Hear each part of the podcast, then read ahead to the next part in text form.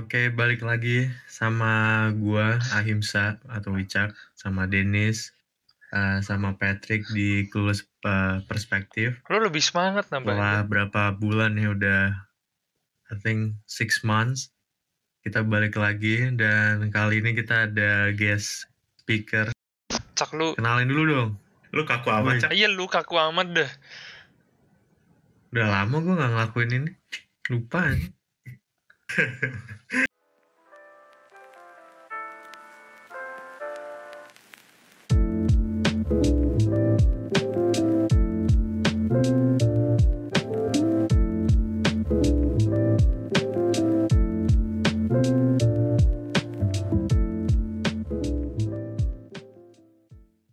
udah nih uh, basically guest speaker kita nih teman kita lagi-lagi lagi-lagi gue yang nyari juga uh, namanya Jonathan Jayakusuma uh, teman sekelas ya seangkatan sama Wicak. Tapi dia uh, ngambil ICT and Business sekarang lagi internship. Ya perkenalan dong udah lah jelasin aja lah. Perkenalan perkenalan sendiri. Hai semuanya, hai uh, listeners dari Clueless Perspective Podcast. Um, gua uh, perkenalkan gue Jonathan Jayakusuma, biasanya dipanggil teman-teman di sini Joe Chris. Uh, gue mahasiswa tahun ketiga sekarang semester 5 ambil ICT and Business and currently I'm doing my internship. Jadi uh, nggak, maksudnya kayak uh, gue kuliah tapi gara-gara semester 5 sekarang lagi uh, uh, ambil internship. Keren, keren, keren, keren. Gue mau tanya. Kita nih kayaknya ada trennya nih. The Tren apa nih? Di guest speakers kayaknya dari ICT bisnis semua nih kayaknya. Hmm. gue inget-inget. Ya nggak apa-apa, nggak apa-apa. Nggak apa-apa bro. gue mau tanya dong, lu kenapa internship dulu Jo? Gampang, biar gampang gak dapet uh, kompetitornya. Uh, maksudnya internship dulu baru minor atau gimana? Ya kan trennya biasanya orang-orang ambil minor dulu waktu semester 5. Okay. Jadi waktu semester uh. 6 ngumpul tuh banyak. Kalau lu uh. kenapa ambil intern dulu? Gue ngambil intern dulu tuh sebenarnya bukan gara-gara gue pengen ambil intern dulu dan soalnya kan di di kampus gue di ICTM Business itu mereka punya jadwal yang menurut gue lu juga ada lah di IM kayak jadwal uh, dari semester 1 sampai nanti lu lulus di semester 8 kan ya. Nah, mereka tuh tulisannya semester um, 5 itu internship, terus semester 6 itu dia baru ambil minor. Jadi gue cuma ngikutin itu doang, dan nggak ada alasan yang lebih ke um, kenapa gue pengen internship dulu atau minor dulu. Gue cuma ngikutin aja lah apa jadwalnya mereka biar enak aja gitu. Mungkin kita uh, backtrack sedikit kali ya Jo. Akan sekarang lu okay, udah semester lima, udah third year. Uh, yes. Kalau misalnya kita kayak start from the very beginning, lu uh, kenapa lu kayak dari semua negara even di Indo kenapa lu at the end pilih Belanda uh, specifically ngambil ICT? Oke, okay. ini sebenarnya asik sih kalau dibahas, cuman uh, lumayan panjang, long story short aja ya. Jadi sebenarnya tuh dulu gue pas SMA di Indo, um, kan kalian juga pasti di SMA SMA itu namanya education fair kan, di mana kayak univ-univ tuh datang buat uh, apa namanya pitch their univ lah biar lu apply ke univnya mereka.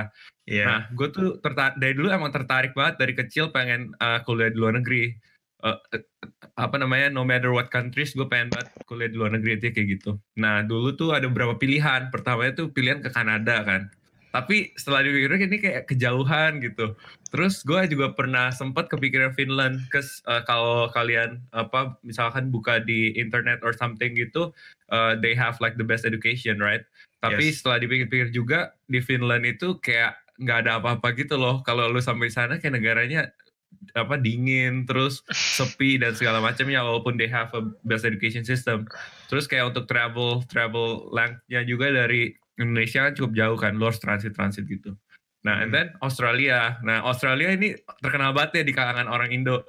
Tapi uh, kurang cocok soalnya kayak menurut gua uh, di Australia itu um, ini sorry banget, cuman uh, terlalu banyak Indonesians ya. Soalnya kayak gue nggak mau nanti gue kuliah luar, terus terlalu banyak orang Indo ya. Soalnya jatuh-jatuhnya kan sama kan, kayak lu di Indo lagi gitu loh. Bergaulnya sama anak-anak Indo lagi kan. Nah di iya, Australia yeah, yeah, itu yeah. menurut gue kayak gitu. Uh, tapi educationnya bagus, gue gak bilang edukasi jelek ya. Terus uh, hmm. gue juga pernah kepikir ke New Zealand. Pokoknya kayak okay. hampir semua negara udah pernah gue research kan. And then yeah, yeah. Uh, Belanda itu nggak nggak dalam yang research gue waktu itu kayak muncul aja gitu kan Belanda. eh ada ada univ dari Belanda nih di, di education fair gue terus gue tanya tahu menarik juga ya kalau uh, dilihat dari pendidikan Belanda kan hampir semua univ ini kan uh, government punya government ya jadi kayak nggak uh, kalau punya government itu lebih nggak ada beda di mana satu univ lebih bagus dari univ lain. Walaupun ada tapi lebih nggak ketara gitu loh. Educationnya yep. hampir semua univ tuh bagus. Terus um, ya itulah pertama kenapa gue pilih uh, Belanda. Jadi itu kenapa choice gue pilih Belanda. Tapi yang untuk jurusan ICT itu gara-gara um, gini awalnya gue discuss sama parents gue kan gue pengen banget ambil yeah. bisnis dari dulu walaupun gue dulu di SMA IPA tapi gue demen banget uh, yang berbau-bau bisnis soalnya menurut gue keren kalau bisnis tuh gede bisa jadi apalah misalnya CEO or something like that uh, bisa own uh, big companies and etc kan uh, yeah, iya. terus yeah. Um, tapi uh, papa gue bilang kayak gini kamu harus ngambil uh, kuliah maksudnya ambil jurusan di mana you have skills Terus kalau menurut uh, dia, menurut bapak gue itu kalau ICT, eh sorry, uh, bisnis itu kayak lots of people itu punya ilmu ini. Kayak lu bisa juga belajar dari buku atau belajar dari YouTube. Kan sekarang online dunia, jadi lu lebih gampang lah untuk ngambil apa namanya belajar-belajar uh, sesuatu yang baru kan. Nah untuk bisnis ini lebih uh, kayak semua orang punya gitu. Nah, setelah dilihat-lihat, ada yang namanya Fontes University of Applied Sciences. Dia ada international business, tapi dia juga ada jurusan namanya Business and ICT. Terus kayak setelah gue pikir, hmm, ICT keren juga nih, soalnya semua dunia sekarang udah teknologi kan jatuhnya. Jadi yeah. untuk ke depan prospek kerjanya juga lebih banyak makanya gue uh, decide gue research lagi hmm, akhirnya by combining ICT and business it would be uh, very good lah for for my future career I think that's what I uh, kenapa gue pilih uh, ICT and business jadi jurusan dan kenapa gue pilih di Belanda tapi gitu. Gila, I feel like I'm a hiring manager apa interviewing interns anjing. Menurut ya. menurut gue bokap lo make sense sih karena kebanyakan CEO sekarang juga orang-orang yang own technical knowledge juga aja instead of cuma bisnis juga jadi ya ya good choice lah buat lo maksudnya itulah kayak choice-nya specialization instead of kayak subjek yang general banget oke mm, oke okay, okay. ini gue rada melenceng dikit gak melenceng aja lah apa apa bro gue baca gue baca uh, gue kan baca buku nih Elon Musk kan gue nggak tahu ini benar apa enggak tapi Tesla itu kayak they they really hate MBAs gitu loh Yeah. Mereka nggak di perusahaan tuh dia dia nggak hire MBA, dia tuh nggak hire-nya yang lain jurusan lain selain MBA. Berarti udah siap nih kalau lu ke Tesla. Kan lu punya dua-duanya. Pengen ya bro, pengen ya. Amin lah. Amin. ya, ini salah satu kan ada yang mau di recruit di Tesla juga ya denger-denger ya. Waduh. Nih, lu mau ngomong itu... sesuatu nggak cak? Halo. Jangan ya. cok, halo doang. Halo. Cerita-cerita dikit dong bentar, bentar. Jadi Tapi tadi gue mau nambahin sedikit sih yang tadi Jokris bilang yang uh, di ke depannya kebanyakan bakal apa namanya teknologi base kan. Dan yang gue lihat trennya dari gue nyari internship memang kebanyakan emang uh, company uh, industrial engineering teknik industri sendiri lebih ngarah ke data analisis sih kayaknya yes. ke depannya. Benar. I, Jadi emang teknologi base kayaknya iya, ke depannya gue gue nyadar banget sih kayak sekarang gue lihat uh, vacancy vacancy buat industrial engineering tulisannya Power BI access database kayak what the fuck kita nggak pernah belajar ini anjir jadi gue terpaksa ulik-ulik dikit anjir biar gue masukin di CV yeah. gue kalau gue juga pernah belajar ya make sense lah bro. make sense make sense Bener eh balik balik uh, ke pertanyaan tadi dong balik ke pertanyaan tadi balik dong ke pertanyaan dari uh, jadi salah satu dari kita ini ada yang uh, dapat uh, chance buat interview ke Tesla nih. Jadi gimana nih Cak? Uh, jadi gue dapat uh, interview sama Tesla tapi uh, itu masih dua hari lagi, dua hari dari kita recording ini. Jadi ya uh, we'll see. Ya lu kalau kalau lu mau jadi ngomong kayak kenapa Pet? Next episode, jadi kayak next episode uh, most likely kita bakal tahu whether or not Wicak bakal work under Elon Musk atau eh gue punya gue punya masukan dong lu kalau ngomong interview jangan lemes anjir Nah itu ntar aja lah ya dibahasnya ya. Ini kan bahaya. next topic. Next topic, next topic. Next topic. Uh,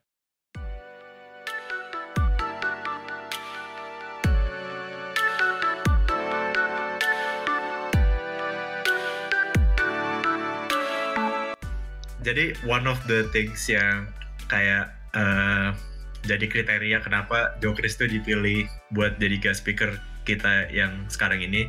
Jadi dia tuh kayak ada banyak experience, especially di berorganisasi di PPI namanya, uh, di Belanda namanya PPI.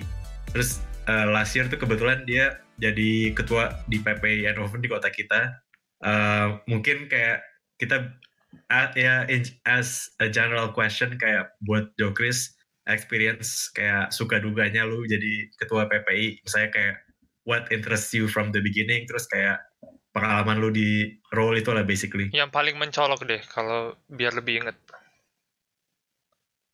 Oke okay, uh, ya jadi benar yang yang yang yang di uh, katakan uh, Patrick ya gue dapat kesempatan jadi ketua PPI Eindhoven uh, masa pengurusan 2019-2020 nah kenapa in the first place gue pengen join gitu ya PPI atau pengen jadi ketua? Gimana nih? Iya apa apa lu dari awal udah pengen jadi ketua gitu? Soalnya lu pengen punya pengalaman ngeorganisir uh, organisasi gitu. Atau enggak dari awal dulu dari misalnya lu join PPI as anggota abis itu kayak lu lihat apanya lu bilang kayak oh gue pengen nih jadi ketua PPI nih gitu. Iya, uh, menurut gue kayak it's not gimana ya? ke, jadi ketua tuh gue nggak pengen gitu loh itu kan amanah ya gila amanah loh jadi awalnya itu gue kenapa join uh, PP Eindhoven itu karena uh, ya uh, lu kuliah di luar negeri di mana uh, lu apa namanya uh, di dunia internasional lah. Teman-teman lu kan orang-orang internasional. Uh, tapi di satu sisi itu di Eindhoven ini juga ada yang namanya organisasi Perhimpunan Pelajar Indonesia di mana kalau lu join itu lu bisa uh, ketemu lagi deh sama teman-teman lu di Indonesia bisa tambah networking lu terus juga bisa uh, kalau bahasa kerennya itu lu bisa mewakili negara lu di skala yang lebih kecil lah.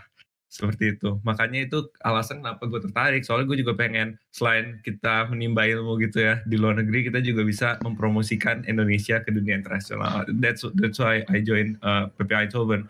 Dan juga dulu gue masuknya ke eksternal ya gara-gara motivasi tadi gue pengen uh, mempromosikan Indonesia. Terus makanya gue lebih ke yang eksternalnya bukan yang ngurusin internalnya itu uh, waktu itu gue jadi anggota divisi eksternal.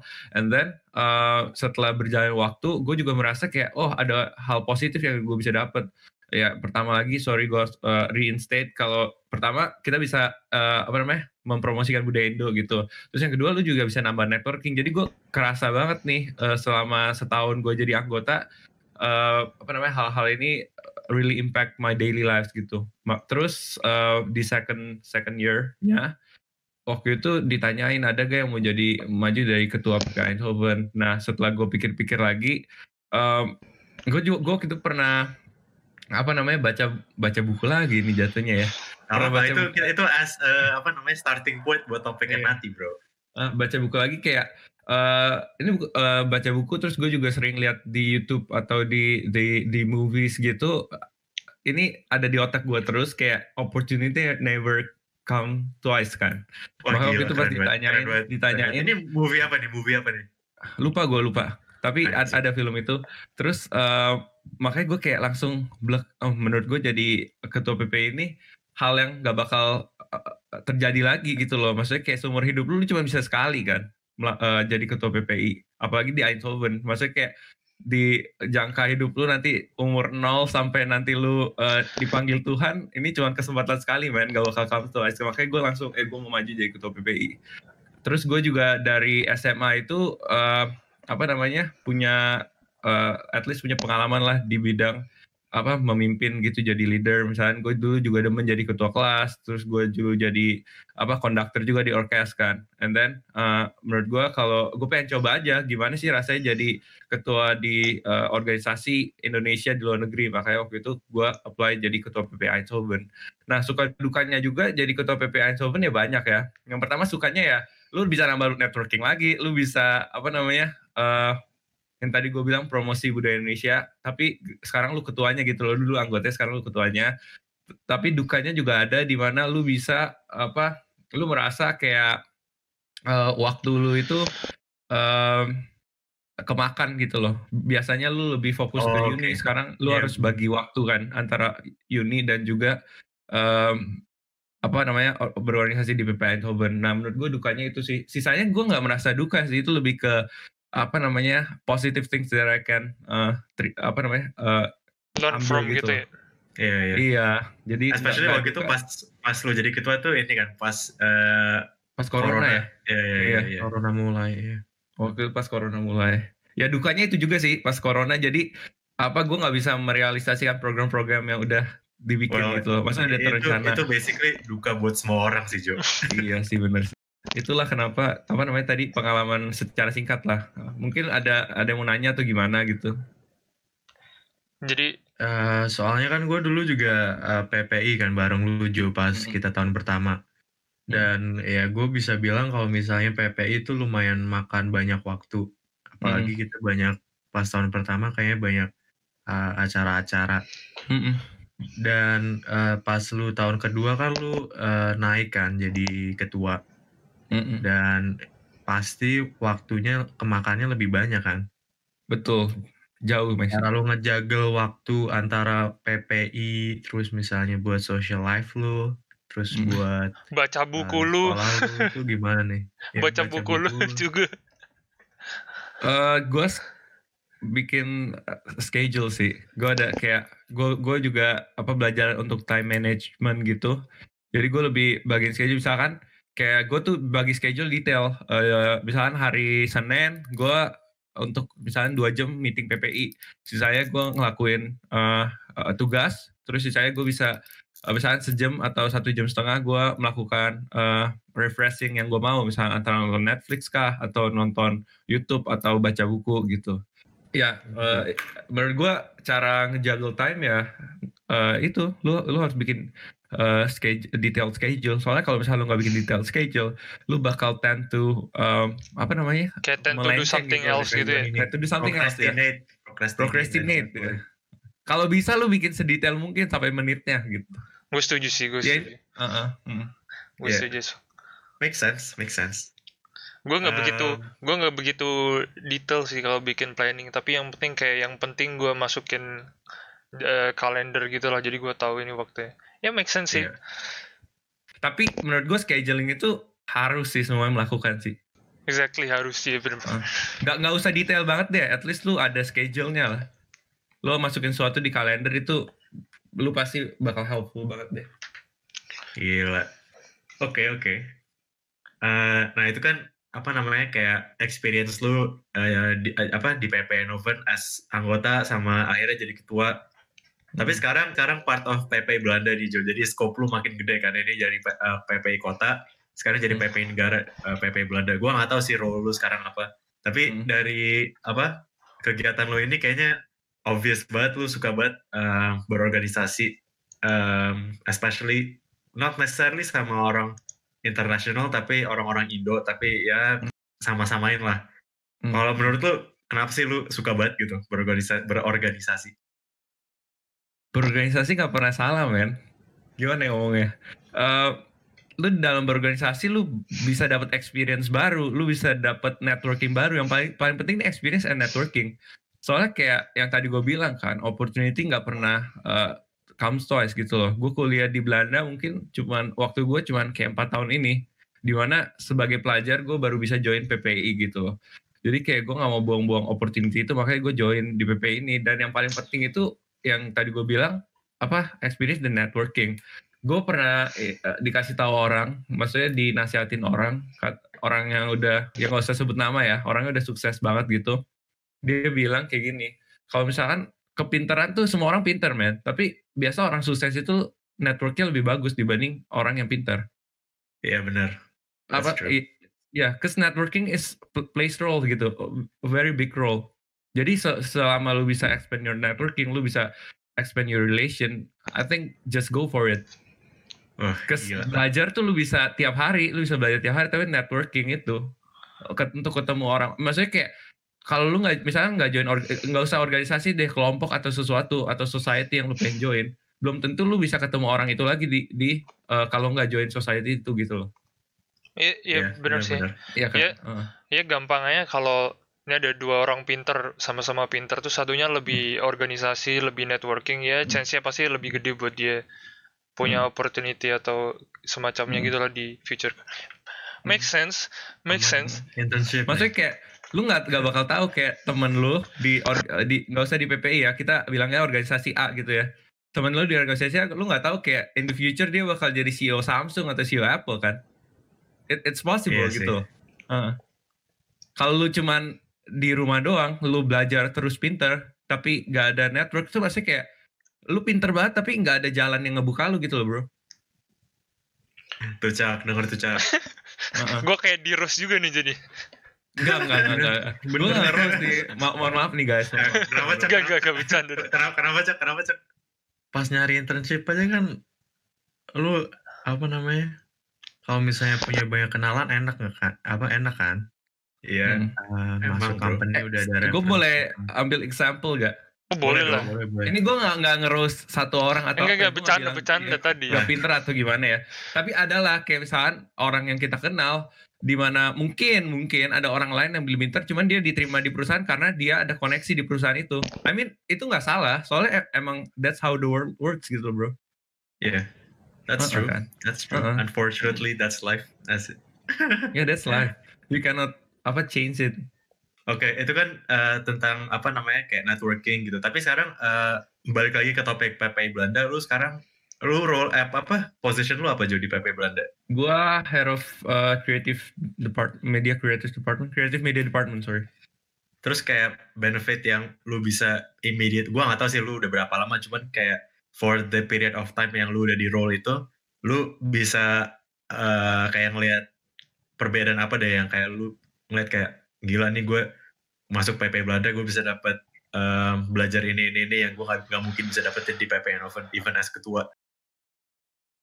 Uh, gue lebih bisa nambah ilmu sih kayak uh, bahasa bahasa kasar gini nih misalkan kayak gue dulu kan skopnya kita kecil nih di Eindhoven kan hmm. teman-teman lu tuh itu itu doang maksudnya uh, teman main lu circle lu itu itu doang kayak yang kuliah di Fontis kuliah di TU kan hmm. pembahasannya hmm. hampir sama lah Nah tapi kalau di PPI Belanda ini, gue bukan promosi PPI Belanda, cuman emang gara-gara PPI Belanda ini PPI negara kan, anggotanya itu lebih diverse.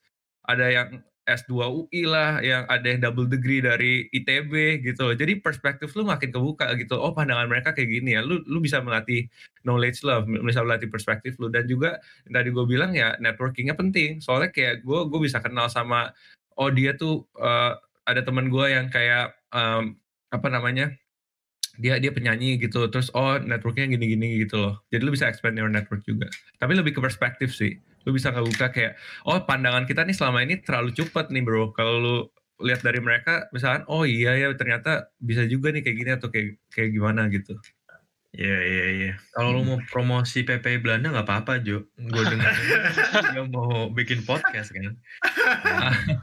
Oh jadi kita listener yang nggak sebanyak itu ya bisa jadi channel buat promosi. Iya, iya. Ya lumayan ya, lah. Kalau mau denger podcast PPI Belanda. Ya lumayan lah kita bikin network bareng PPI Belanda kan jadinya sekarang ngobrol sama hmm. Joe Chris. Hmm. oh iya ya baru sadar gue.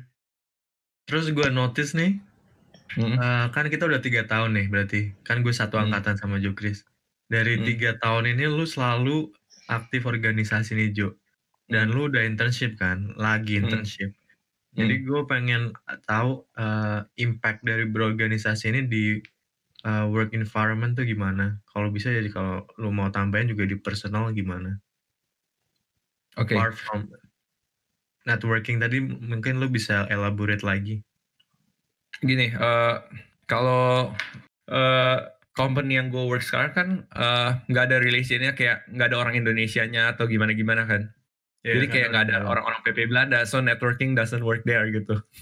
Uh, di, yang gue bisa ngerasain itu di mana kayak selama gue di PPI Belanda, gue ketemu banyak orang. Gue harus uh, mungkin kebetulan gara-gara gue jadi uh, ketua departemen media kreatif kalau di PPI Belanda itu, gue harus bikin meeting kan, bikin meeting. Terus uh, uh, ngehandle teman-teman yang jumlah anggotanya segini gitu misalkan. Jadi gue kalau misalnya di company yang ngerasa kayak misalkan kalau mereka minta tolong gue untuk uh, oh kamu bisa nggak nge-pitch uh, project kamu ke departemen ini departemen ini. Jadi gue udah terbiasa gitu loh nge-pitch ya. Kes gue punya experience di uh, PPI juga untuk ngehandle uh, jumlah orang tertentu gitu. Dan juga uh, gara-gara gue tend to meet uh, stranger bukan strangers ya orang-orang yang uh, gue nggak tahu sebelumnya ya strangers sih bener. Uh, jadi di which is the same di company jadi kayak gue ketemu uh, colleague yang lain yang gue belum kenalan jadi gue udah terbiasa gitu cak jadi nggak awkward gitu loh. Menurut gue itu sih impact yang paling kerasa kalau dari organisasi apa namanya Maksudnya, dari PPI ya kayak kayak langsung lu bisa interact sama colleague-colleague lu manager-manager lu lebih gampang lagi gitu lah basically. Lebih gampang gitu ya bener lebih gampang. Soalnya udah terbiasa kan? Iya iya. Ya yeah, make sense. Hmm. make sense. Hmm. Ya menurut gue juga penting banget sih. Soalnya kadang-kadang waktu lu lagi interview magang kadang-kadang uh, ini manajer-manajer yang nge-interview lu nggak begitu nyari uh, kayak technical knowledge yang lu punya. Tapi cara lu interact cara lu ngobrol sama dia juga dia kayak feeling connection atau enggak sama lu juga penting hmm. juga. Betul betul betul uh, soalnya gue uh, ngeliat lu tuh sebenarnya uh, orangnya easy going gitu Jo outgoing okay. gitu. Jadi uh, berarti bukan dari karena sikap lu tapi juga dari uh, berorganisasi ini juga ngebantu lu buat uh, nge apa ya? Improve. Nge-improve social skills lu gitu maksudnya. Iya, betul betul banget, Cak. Kalau kalau tips buat orang yang gak se-easy going lu gimana dong, Juk? lu maksudnya nanya advice buat you lu speak sendiri for yourself jangan cok. Kenapa lu nanya buat diri lu sendiri. Lu lu mendingan lu tak gak usah pakai kayak gitu ya lu langsung bilang aja kayak buat lu lu bilang aja tips tips buat orang yang gak outgoing. Mending bilang kayak tips buat gua tuh gimana Jo kan gak kan gak bisa gitu ya kan gak bisa gitu. Jadi buat orang-orang yang gak se easy going lu atau orang-orang yang ya bahasanya kayak gitulah. Jadi gimana ya, kayak ada lah basically kayak jancok emang gue se uh, se awkward introvert itu ya udah gimana Jo? Gimana Jo? Menurut gue ya. Yeah. just go for it man. Yeah sometimes, I mean yeah. sometimes it's hard right? But you you gotta try gitu loh. Kayak gimana ya ngomongnya? Ya menurut gue lu uh, just do it first and then think think about it later gitu loh. You will apa uh, dapat dapat uh, apa namanya tuh uh, keuntungannya lah. You, you will reap the benefits gitu loh. Pasti deh. Lu, jangan terlalu banyak mikir kayak misalkan gua gua gua apa namanya takut nih ke minder nih kalau ketemu si A atau atau melakukan sesuatu gitu loh. Menurut gua kayak lu, lu just uh, maksudnya gini loh, lebih lebih mending lu nyesel di belakang dibanding nyesel di gara-gara lu nggak melakukan sesuatu kan eh eh Pat jangan salah gue salah satu MC di acara event waktu Joker jadi ketua loh nah ya? tuh oh. so, itu berarti lu easy going Dan gue nggak tahu nih gue Patrick kenapa no. bilang gue kayak gitu gue nggak paham nih lu easy going Dan bercanda Dan eh Dan Dan Jangan Kenapa, jangan sampai other other people's opinion shape you dan. Waduh, ah, gila. Lu lu anak Gary V kan? Nih kalau gue lihat nih Gary V nih lu. gue di rus rus. Kayak podcast ini lebih ke ngerus-ngerus gitu deh. eh bener kan? Lu ngikut Gary V kan? Iya. iya. Ya, dia kan biasa kalau gue gue gue gue ngikutin tapi dulu dia selalu ngomong kayak jangan pikirin apa yang orang lain bilang terhadap bener. bener gak? Bener bener. Bener kan? Patrick doesn't matter bro. Yeah. tapi jangan maksudnya nggak jangan sampai lu kayak nggak terima advice orang juga. Iya, iya. Tapi lebih bukan, ke, bukan. Ya in a sense of inilah in a sense of biar lu nggak terlalu take take someone's uh, opinion too literal gitu. True, Don't take it personally lah. Ya basically yeah. juga.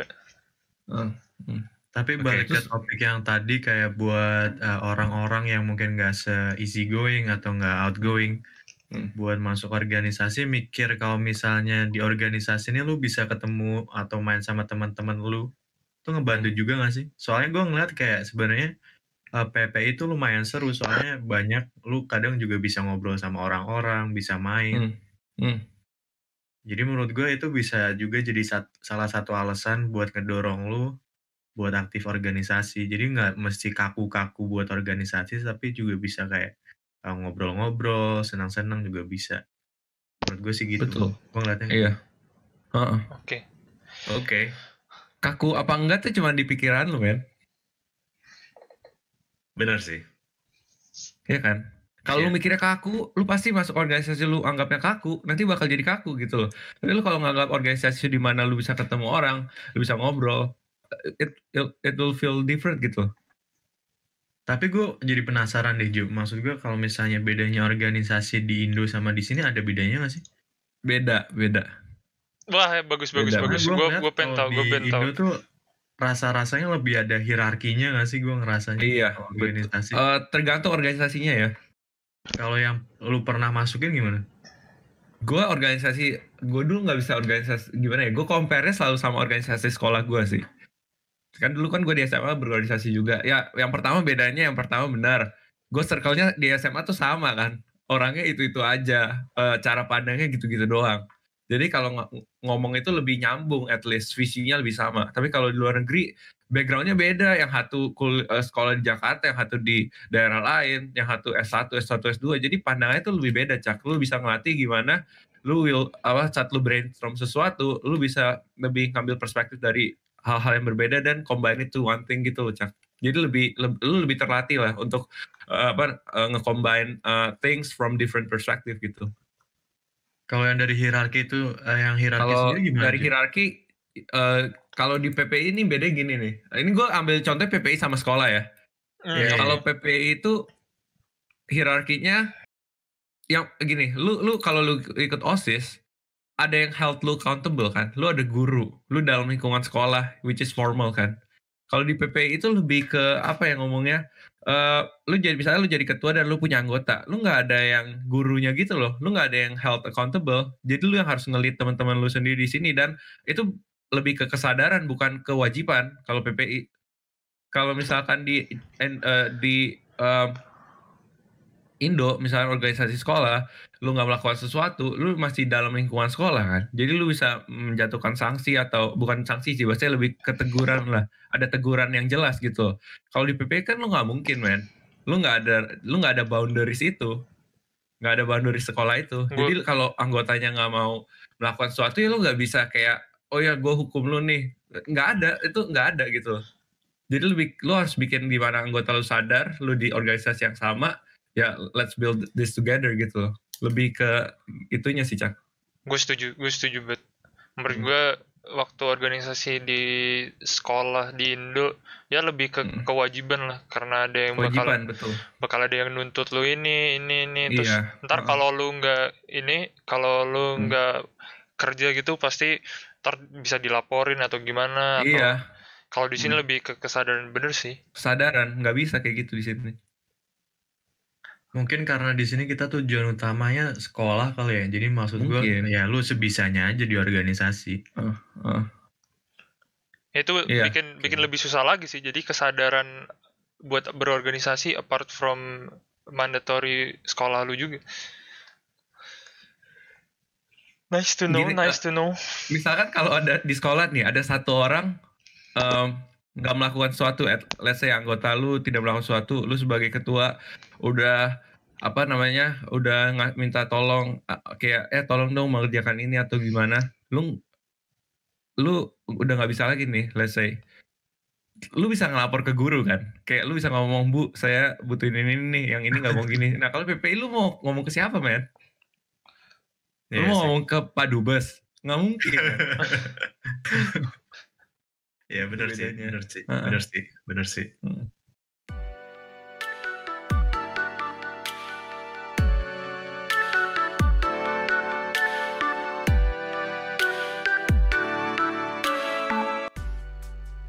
Oke, okay. Um, kan as everyone in this planet already knows kan, basically corona tuh udah ada since March 2020 sekarang udah Januari we made it through the year. Tapi hmm. sekarang masih quarantine di Belanda, corona masih tetap gila banget. Uh, banget bro. Obviously, ini kan udah berapa tuh? Udah almost tahun lah kita quarantining di rumah doang. Um, hmm.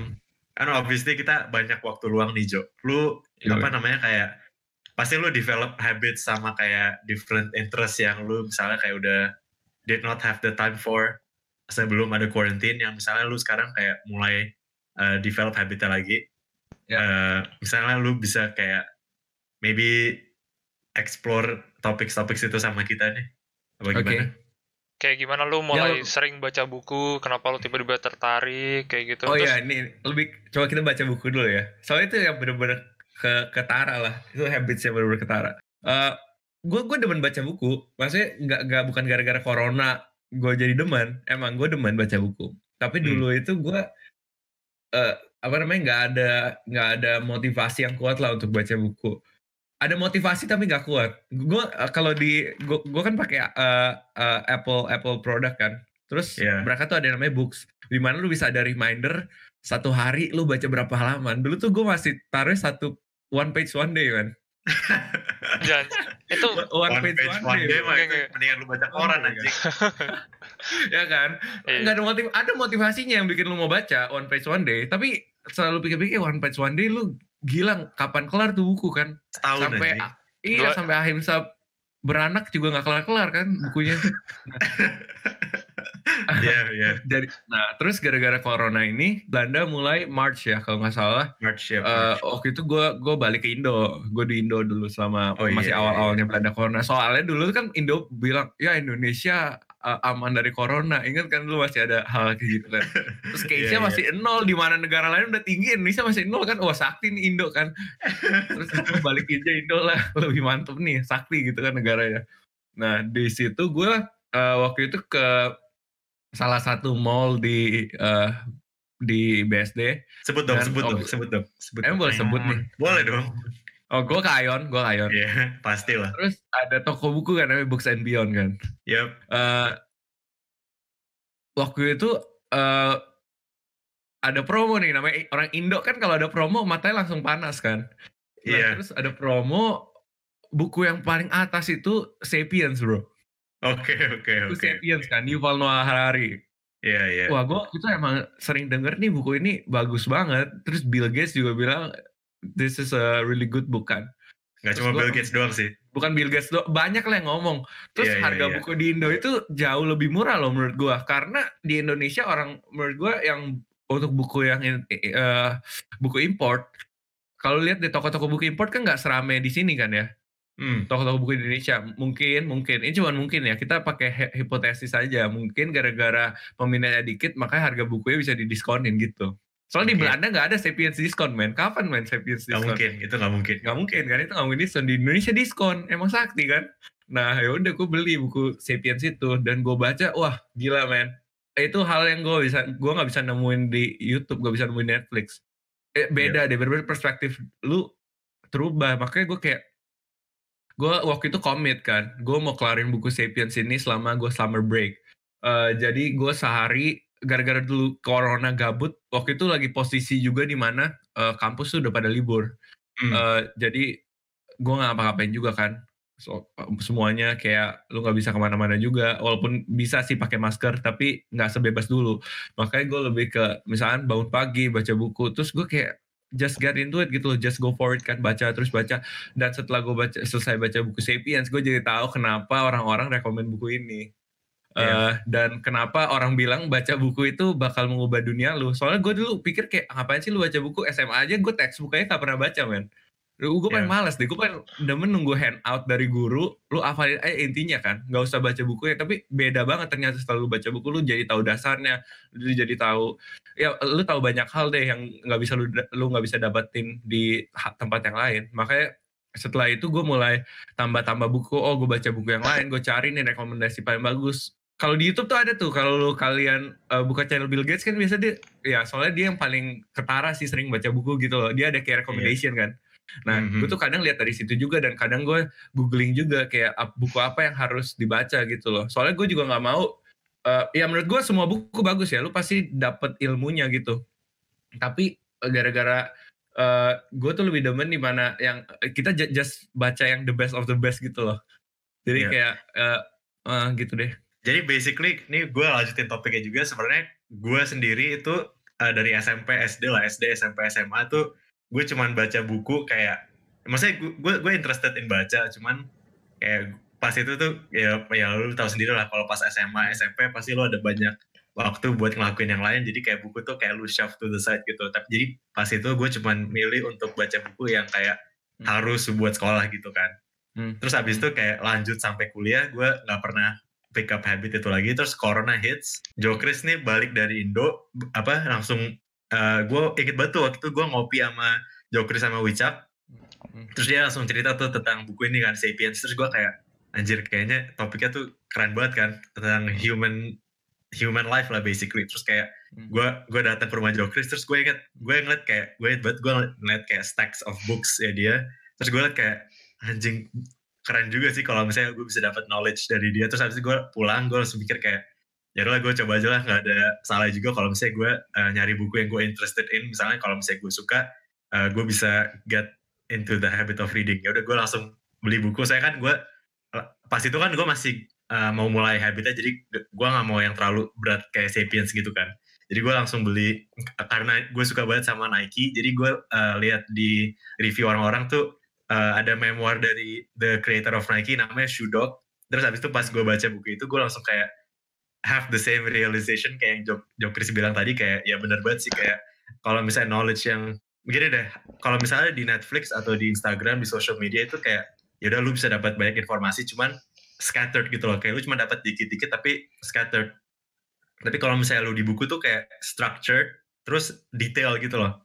It's almost like kalau misalnya di buku tuh kayak it's uh, portrait terus kayak lu bisa tahu banyak tentang portrait itu tapi kalau misalnya di Instagram tuh kayak little polaroids di mana lu cuma tahu kayak dikit-dikit doang terus lu harus piece it together gue nggak tahu if that makes sense atau enggak tapi karena itu gue sekarang kayak mulai rajin building uh, reading habits gitu sih basically ini ini sapiens Yuval Noah Harari itu betul, yeah. betul. gue coba deh gue coba gue coba jadi kalau lu notice nih dari tadi yang ngomong nih cuma Jokris sama Patrick. Nih. Eh, gue baca buku. Ketahuan, ya ketahuan yang gak suka Gue baca, baca buku.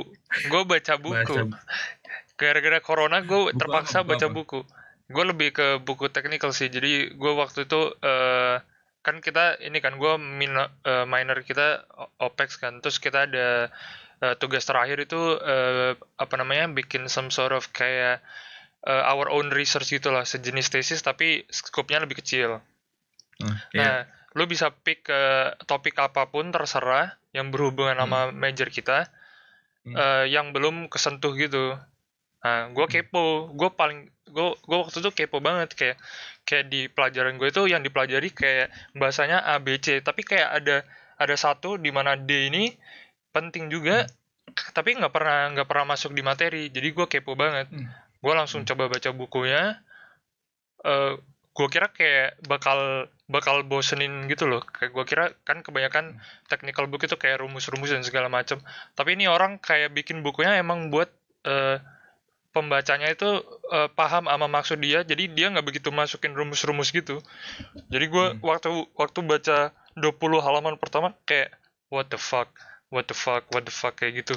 Bagus kan? banget nama namanya kalau lu tahu QRM QRM. Iya QRM. Terus yang quick yang, response yang, manufacturing. Bagus banget. Gue gua, gua waktu Siapa jadi yang bikin yang bikin Rajan Suri namanya. Rajan Suri namanya. Oke. Okay. Gue gue waktu Tapi, itu Iya. Yeah. Uh, gue waktu itu waktu uh, project pertama di company gue nggak begitu punya banyak knowledge tentang environment ini karena kita waktu itu masih tahun 2 dan kita nggak nggak begitu ngerti uh, environment yang kayak gini harus kayak gimana. Waktu gue baca buku itu gue kayak gue kayak nyesel nggak sempat baca buku itu waktu gue lagi di company kayak harusnya gue hmm. ngapply apa yang dia di buku ini dan segala macam. Jadi jadi gue kepikiran buat ngekontak supervisor gue yang dulu terus buat ngomongin uh, yang gue tahu sekarang. Karena menurut gue bisa lebih diimprove lagi apa yang pernah gue apply di sana sekalian hmm. nyambi network juga sih maksud gue tapi bener banget baca buku menurut gue gue sampai nyelesain 200 halaman tanpa gue nggak pernah sekali seneng baca buku. Iya iya kan? Yeah. terus yang yang ngedorong gue juga ya Oke, gue hmm. gue inget banget ada quotes lu tahu Presiden Truman gak yang kayak oh, uh, dulu pas perang dunia gitu ya Presiden Amerika abis Roosevelt kalau nggak salah dia pernah ngomong gini men. Dia ngomong not all readers are leaders tapi but all leaders are readers. Wah, waduh. yes. ada men, kayak CEO dunia Bill Gates semua baca buku. Orang-orang sukses pasti baca buku. Entah buku ya kan? apa pun ya, entah buku entah apa pun. Buku apa pun pasti buku baca gitu at Wicak. Dan menurut gua lebih daripada kita di society yang sekarang yang di mana orang kerjanya binge watch K-drama atau binge watch Netflix, it's better if you apa allocate time-nya untuk baca buku. Soalnya beda banget pasti. Ya maksud maksudnya no offense juga buat mereka yang no sedang ya, oh, iya, binge iya, watching. Iya, iya. Ya, maksudnya gue gue juga suka banget nonton TV show, gue juga suka banget nonton movies. Maksud, kayak uh, uh. ya kalau misalnya baca yang kayak tadi gue bilang semuanya itu scattered kalau misalnya di buku tuh kayak itu ada structure lagi gitu loh jadi lu iya benar benar flip through pages ya udah itu bakal develop develop develop gitu loh ya inti, in, intinya jadi gitu buat, tadi lah uh, ngebantu teman-teman kita ngebantu gua juga buat jadi leader nih kata lu kan all leaders are readers hmm. jadi uh, gimana sih caranya buat nge-develop habit of reading ini gue punya poin habit of reading gue punya uh, poin lu dulu Jo Ya udah lu dulu gak apa sekali sekali lu dong. Dari tadi yeah. gue mulu yang ngomong. Ya kan lu guest speakernya ya. Tunggu tunggu tunggu tunggu tunggu tunggu. ini ini maybe maybe cut this part terus Wicak nanya lagi terus nanti Dennis yang jawab. Eh nggak apa-apa nggak apa-apa oh. biar natural aja. Oke. Okay. Kalau kalau yeah. dari gue kalau lu pengen banget ngedevelop habit of reading, lu harus pick something yang lu bener-bener interested dulu. Menurut gue sih, kalau lu cuma asal-asal, oh gue pengen ngedevelop habit of reading out of nowhere, terus gue coba ngikutin tren-tren orang-orang baca buku ini yang sebenarnya lu nggak begitu interested. Jadi menurut gue, hmm. gue gue nggak bakal kalau buat gue nggak bakal berhasil sih. Jadi gue selalu pick something yang menurut gue bener-bener gue tertarik dan mungkin ada efeknya buat gue. Jadi gue selalu pick hmm. something yang gitu. Hmm. Buat gue kayak gitu sih. Kalau buat Jokris gimana nih? Kalau gue sih lebih always start small ya. Hmm. Lu nggak bakal bisa, ya misalkan lu belum pernah nggak demen baca, maksudnya kayak lu nggak ada habit, lu demen baca buku, cuman lu nggak ada habit baca buku gitu. Lu baru pertama kali mau terjun di dunia membaca buku. Terus lu dengar orang, bro, lu kalau mau sukses, lu harus baca buku di Intelligent Investor buku pertama lu tuh Intelligent Investor bro itu nggak mungkin lah lu bakal apa namanya itu buku udah tebel bahasanya juga berat lu pasti bakal bored gitu loh get bored di awal Hmm. Jadi coba aduh gue udah kayak males banget baca buku which end up lu melakukan hal yang lain. Jadi menurut gue start small misalkan kayak buku yang Dale Carnegie itu yang How to Influence Friends and People. Yeah. Hmm. Ya, lu start small dulu and then you, you baru lu build up dari sana. Gitu gue gue dulu pernah baca buku. Maksudnya jadi uh, kayak gue gue udah pernah baca buku-buku yang kecil makanya nggak nggak apa-apa kayak first book gue Sapiens. Tapi kalau misalkan teman-teman yang lain uh, apa namanya belum pernah baca buku gitu uh, hmm. belum ada habitnya ya makanya start small sih always start small sih jadi rekomendasi lu buat starting pointnya apa Jo tadi Jo? Buku-buku uh, kecil? Carnegie sih, yang kayak uh, timeless classic gitu loh, yang kayak buku-buku uh, Rich Dad Poor Dad gitu juga boleh sih. Wah itu iya. terkenal yeah. banget sih. Carnegie oke okay sih, iya. Rich. Robert Kiyosaki itu bagus juga. Cak atau atau lah ya, yang terkenal banget tuh yang yang buku orang-orang Sub Subtle Art of Not Giving a Fuck itu juga boleh. Uh, kalau misalnya menurut gue, kalau huh? misalnya menurut gue cara lu nge-develop habit of reading um, obviously udah dibilang sama Joker sama Dennis cuman kayak kalau misalnya gue bisa nambahin something kayak one of the things yang people suka banget sekarang kan um, social media and connecting with other people. Kalau misalnya gue gak tahu sih kalian familiar with Goodreads atau enggak tapi itu basically kayak quote on quote social media buat orang-orang yang suka baca buku. Lu bisa taruh hmm. kayak progress lu abis itu kayak um, books yang lu mau add to your uh, apa currently reading list. Jadi lu bisa lihat review rating rating orang-orang jadi terus abis itu kayak banyak book clubs juga di situ ya misalnya kayak lu follow kayak karena waktu itu kan gue apa lihat dog, shoe dog tuh gue lihat di highest rated booksnya Kobe Bryant kan rest in peace. Jadi waktu itu gue lihat dia rate itu 5 out of 5 stars terus gue kayak anjir ini keren banget gue mau beli ini. Terus abis itu another point to starting off small kayak ada satu buku ini gue bikin reference ke buku juga sih ada satu uh, buku yang lumayan terkenal namanya Atomic Habits. Basically Alright. kayak di buku itu dia show kalau misalnya kayak kita tuh sebenarnya kalau mau build habits nggak bisa uh, have a goal. Misalnya gini deh lu misalnya bikin New Year's resolution. Misalnya oke okay, 2021 gue mau lose weight gue mau uh, mulai baca buku. Maksudnya kayak itu goals yang kayak lumayan nggak terlalu spesifik gitu loh. Kayak mendingan jadi lu harus develop um, environment gimana caranya lu bisa dapetin goal itu. Soalnya kayak kalau misalnya lu bandingin lu begini deh kalau misalnya lu di Olympic runner semua orang yang yang set in that race pasti mau jadi juara satu kan tapi kenapa Usain Bolt tuh kenapa dia bisa selalu menang soalnya dia go through the little um, regiments misalnya trainingnya apa yang bisa push him to uh, the first place. Also kalau misalnya lu um, baca buku itu, dia juga ngasih lihat kayak satu persen. If you get one percent better every day over an extended period of time, itu lu by let's say five months, six months dibandingin lu nggak lu make progress kayak seminggu lu ngabisin ya gue nggak tau lah jadi kayak nggak uh, konsisten hmm. small consistency itu pace off way better dibandingin kayak nggak konsisten tapi kayak daripada one gitu. daripada one yeah, week konsistensi gitu. Iya, oh. yeah. kalau misalnya dari gue sih um, terus satu lagi kalau misalnya dari gue sih ya it doesn't matter lu mau baca non fiction atau fiction it doesn't matter soalnya kayak fiction juga banyak banget kok yang bagus banget. Contohnya yang nggak usah ditanya lagi Harry Potter itu ada tujuh buku. Menurut gue itu li, apa tujuh tujuhnya ten out of out of ten sih menurut gue. Itu lu harus baca banget sih. Kalau misalnya abis itu non fiction juga banyak banget. Kalau misalnya lu mau um, yang tadi apa Joe Chris udah bilang Rich Dad Poor Dad itu tentang personal finance sama apa lagi? Banyak sih yang banyak yang banyak banyak banget sih ya, ya, uh, kalau misalnya lu mau mulai cari, lu bikin aja account di Goodreads nanti lu follow orang-orang yang menurut lu kayak hmm. have the similar interest nanti lu bisa lihat kalau di situ review-reviewnya True. gimana cak menurut lu cak jadi yeah. kalau gue bisa recap nih, kan soalnya gue nih yang nggak biasa ngebaca, nggak suka baca buku nih. Hmm, kalau bisa uh, gua recap buat gua juga. Tadi hmm. pertama berarti cari uh, topik yang menurut lu itu interested, apa hmm. interesting. Hmm. Yep. That you are interested in. Hmm. Terus coba cari tadi apa join uh, klub-klub itu ya buat Iya.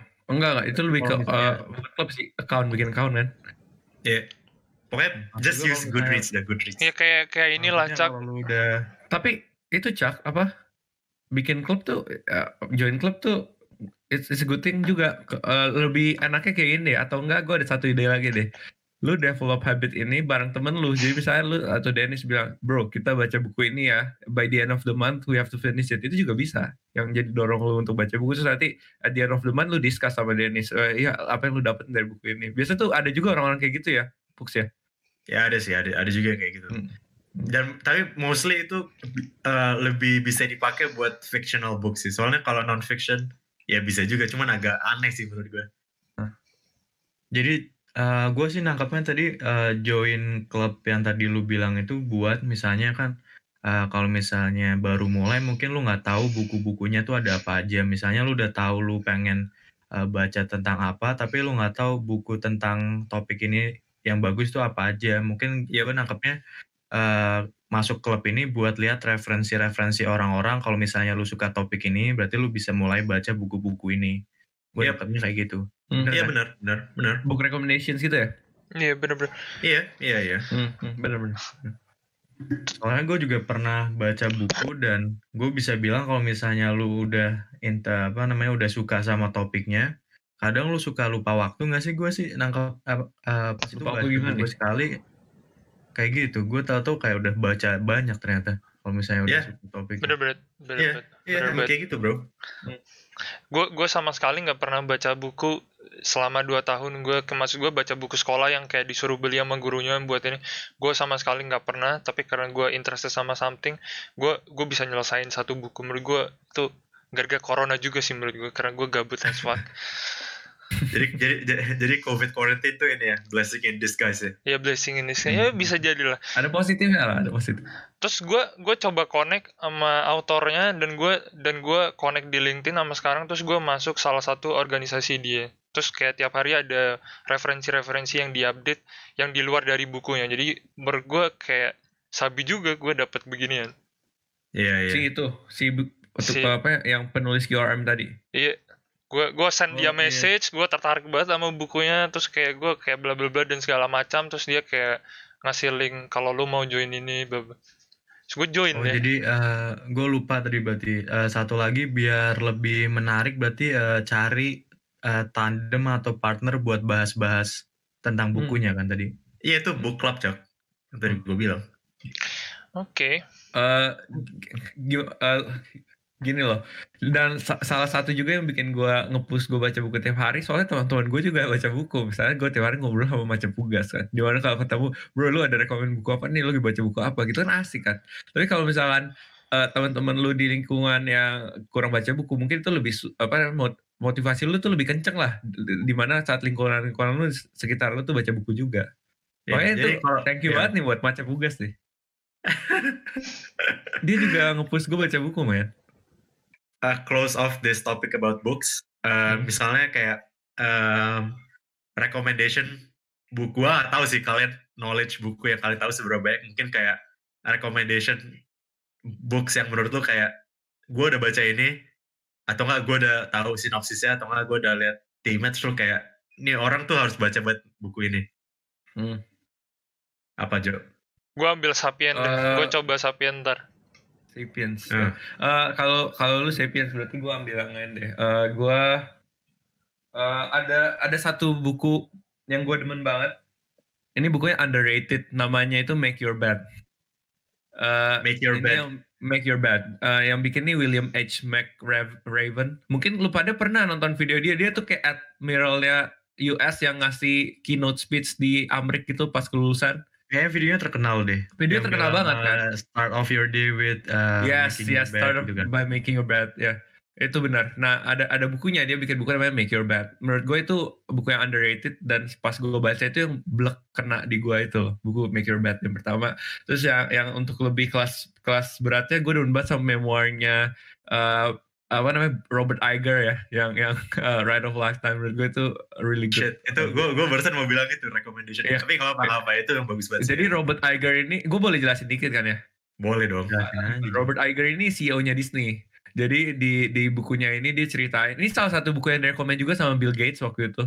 Uh, mm -hmm di buku ini lu jadi tahu oh ternyata jadi CEO ini nggak usah jadi Disney deh. Soalnya perspektif dia kan ini memorinya dia jadi uh, apa dari awal dia susah di ABC sampai dia jadi sukses jadi CEO Disney. Jadi lu tahu nanti kayak ternyata jadi CEO tuh nggak semudah itu ya lu harus bisa nge-place yourself waktu itu dia pernah ngomong di bukunya pada saat dia uh, waktu itu di di Amerika ada syuting di syuting yang tembak-tembakan gitu di Ontario gitu dan di hari H juga dia harus ngasih keynote speech pembukaan uh, apa Disneyland baru di Shanghai, which is a very, uh, gue lupa di Shanghai atau di Disneyland apalah di Cina pokoknya. Ya di Shanghai. Uh, ya Shanghai ya di Shanghai ya. Oh, which yeah. is a very different thing kan. Satu sisi lu ada tem apa namanya ada ada syuting yang apa kena salah satu anggota Disney. Soalnya itu di kota Disneyland pertama kali ada teroris gitulah kayak gitu. Terus di satu sisi lu harus apa nge nge nge, nge give like a, an exciting speech kan. Soalnya itu open Disneyland Shanghai. Nah itu jadi kayak kebuka oh ternyata tuh nggak nggak kayak yang selama kita ini kita pikirin ya gitu gitu jadi kayak pas gue baca buku ini wah mantep banget sih ini buku gitu bro. Iya yeah, iya. Yeah.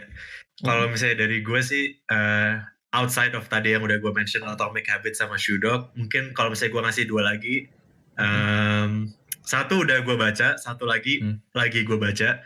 Yang pertama itu namanya Early Retirement Extreme. Itu nggak oh, terlalu terkenal sih buku ya sebenarnya. Cuman kayak buku itu literally, ya buku itu literally ngasih kayak outline gimana caranya lu bisa uh, uh, apa ya kayak save up 50 to 60% of your income. Terus gimana caranya lu bisa use that over an extended period of time di mana lu bisa retire umur 30 40 gitu loh.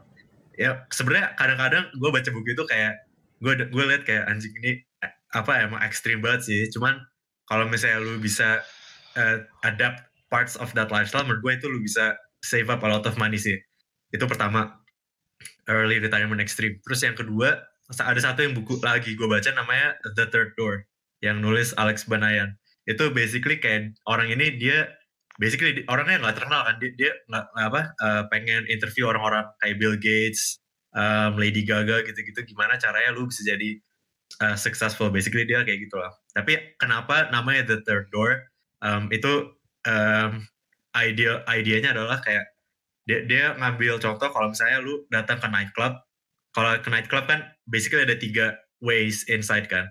Yang pertama itu the main line where everyone uh, like all the regular people are like waiting in line. Terus habis itu that's itu first door. The second door itu buat orang-orang kaya yang kayak udah born into um, rich environment, jadi mereka kayak langsung bisa go in easily kan.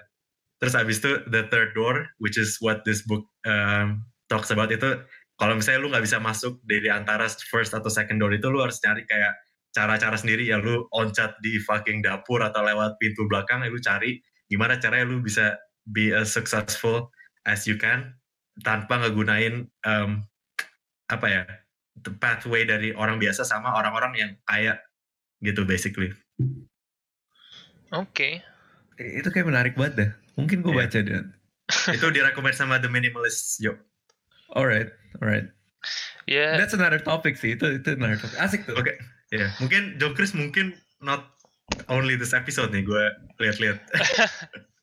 Iya kita kita bisa dive in deeper tuh ini nih buku-buku nih. Kayak mungkin next episode ini good idea kalau misalnya Wika sama Dennis sudah start developing habitsnya juga. Tapi gua ya menurut gue itu nih sekarang nih. eh tapi gue narasumber. Gue gue mau gue mau ngasih pesan deh kayak buat orang-orang yang belum kayak develop habit of reading books. Gue orangnya malas as fuck. Terus kayak ngelakuin sesuatu buat baca buku juga nggak sering gitu loh.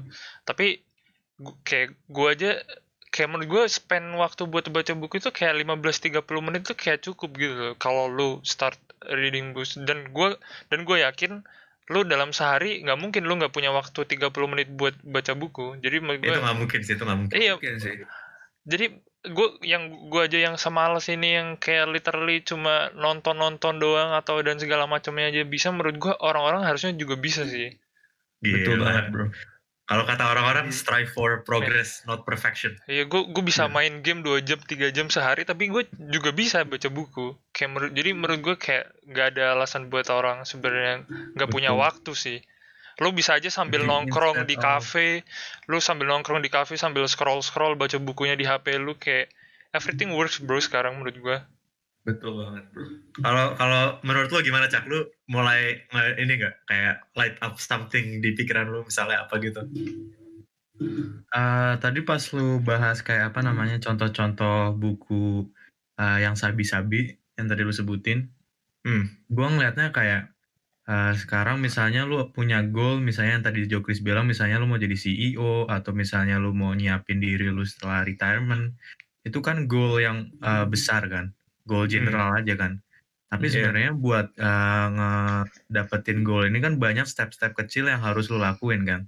Yes. Gue ngeliatnya uh, ini buat orang-orang mungkin kayak bisa jadi apa namanya panduan gitu menurut gue kayak uh, misalnya CEO sebenarnya jadi CEO tuh lu ngeliatnya kayak mungkin sekarang oh ini uh, berat nih jadi CEO tapi mungkin setelah lu baca buku itu lu jadi bisa kayak uh, nge uh, map bisa relate bisa relate bisa hmm. relate hmm. terus lu bisa juga apa lihat jalannya apa aja jadi lu bisa kayak yes. buat diri lu sendiri nge-prepare kayak uh, cara uh, jalan-jalan kecil ini apa aja gue ngeliatnya sih kayak gitu ya kas ya. kasar kasarannya ya kayak itu buku kan yang bikin orang. Jadi lu udah tahu pengalamannya orang-orang tanpa lu ngerasain sendiri which is itu big value banget gak sih buat lu? Tanpa lu spend time atau uh, nge-experience langsung tapi lu udah dapet makna atau pelajaran dari pengalaman dia. Kalau misalnya ada famous quote kan, a reader lives a thousand lives before he dies, but a man who doesn't read lives only one. Betul. Gila. Oh, one more thing yang tadi gue lupa. Kalau misalnya you want to get into reading, kayak kan itu kan baca misalnya lu kayak ah gue males baca, gue gak ada waktu ya. Kan sekarang tuh ada e-books, ada audiobooks, oh, kayak ada e-books, audiobooks, paper books, doesn't matter kayak all of them itu books juga jadi kayak kalau misalnya lu prefer buat dengerin orang ngebacain buku buat lu ya udah itu lu pakai audio book saya mungkin orang lebih cocok kayak gitu sama aja sih sebenarnya kita kita kita udah bahas kenapa cak uh, watching Charlie D'Amelio di TikTok. Jadi harus mulai baca jadi allocate your eh. time dari yang TikTok mungkin Instagram. mungkin kalau kalau teman-teman apa misalnya si so gue tahu baca bugas baca buku kan Patrick baca buku. Ahimsa sama Dennis baca buku lebih regular mungkin nama podcastnya jadi aware perspective kali ya. Nah, tadi udah nggak lagi kan bro bener bener kan udah belajar yang lain tadi bilang pengalaman oh, orang lain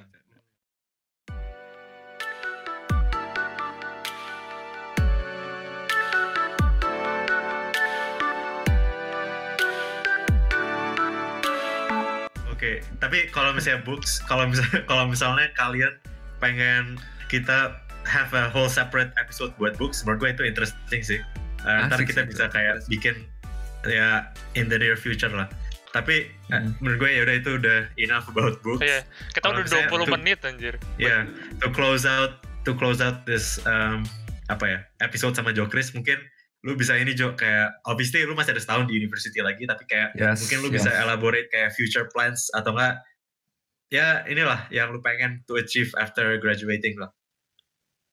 Future plans uh, after graduating gua ini lebih visible dulu ya. Gua kasih visible aja nih.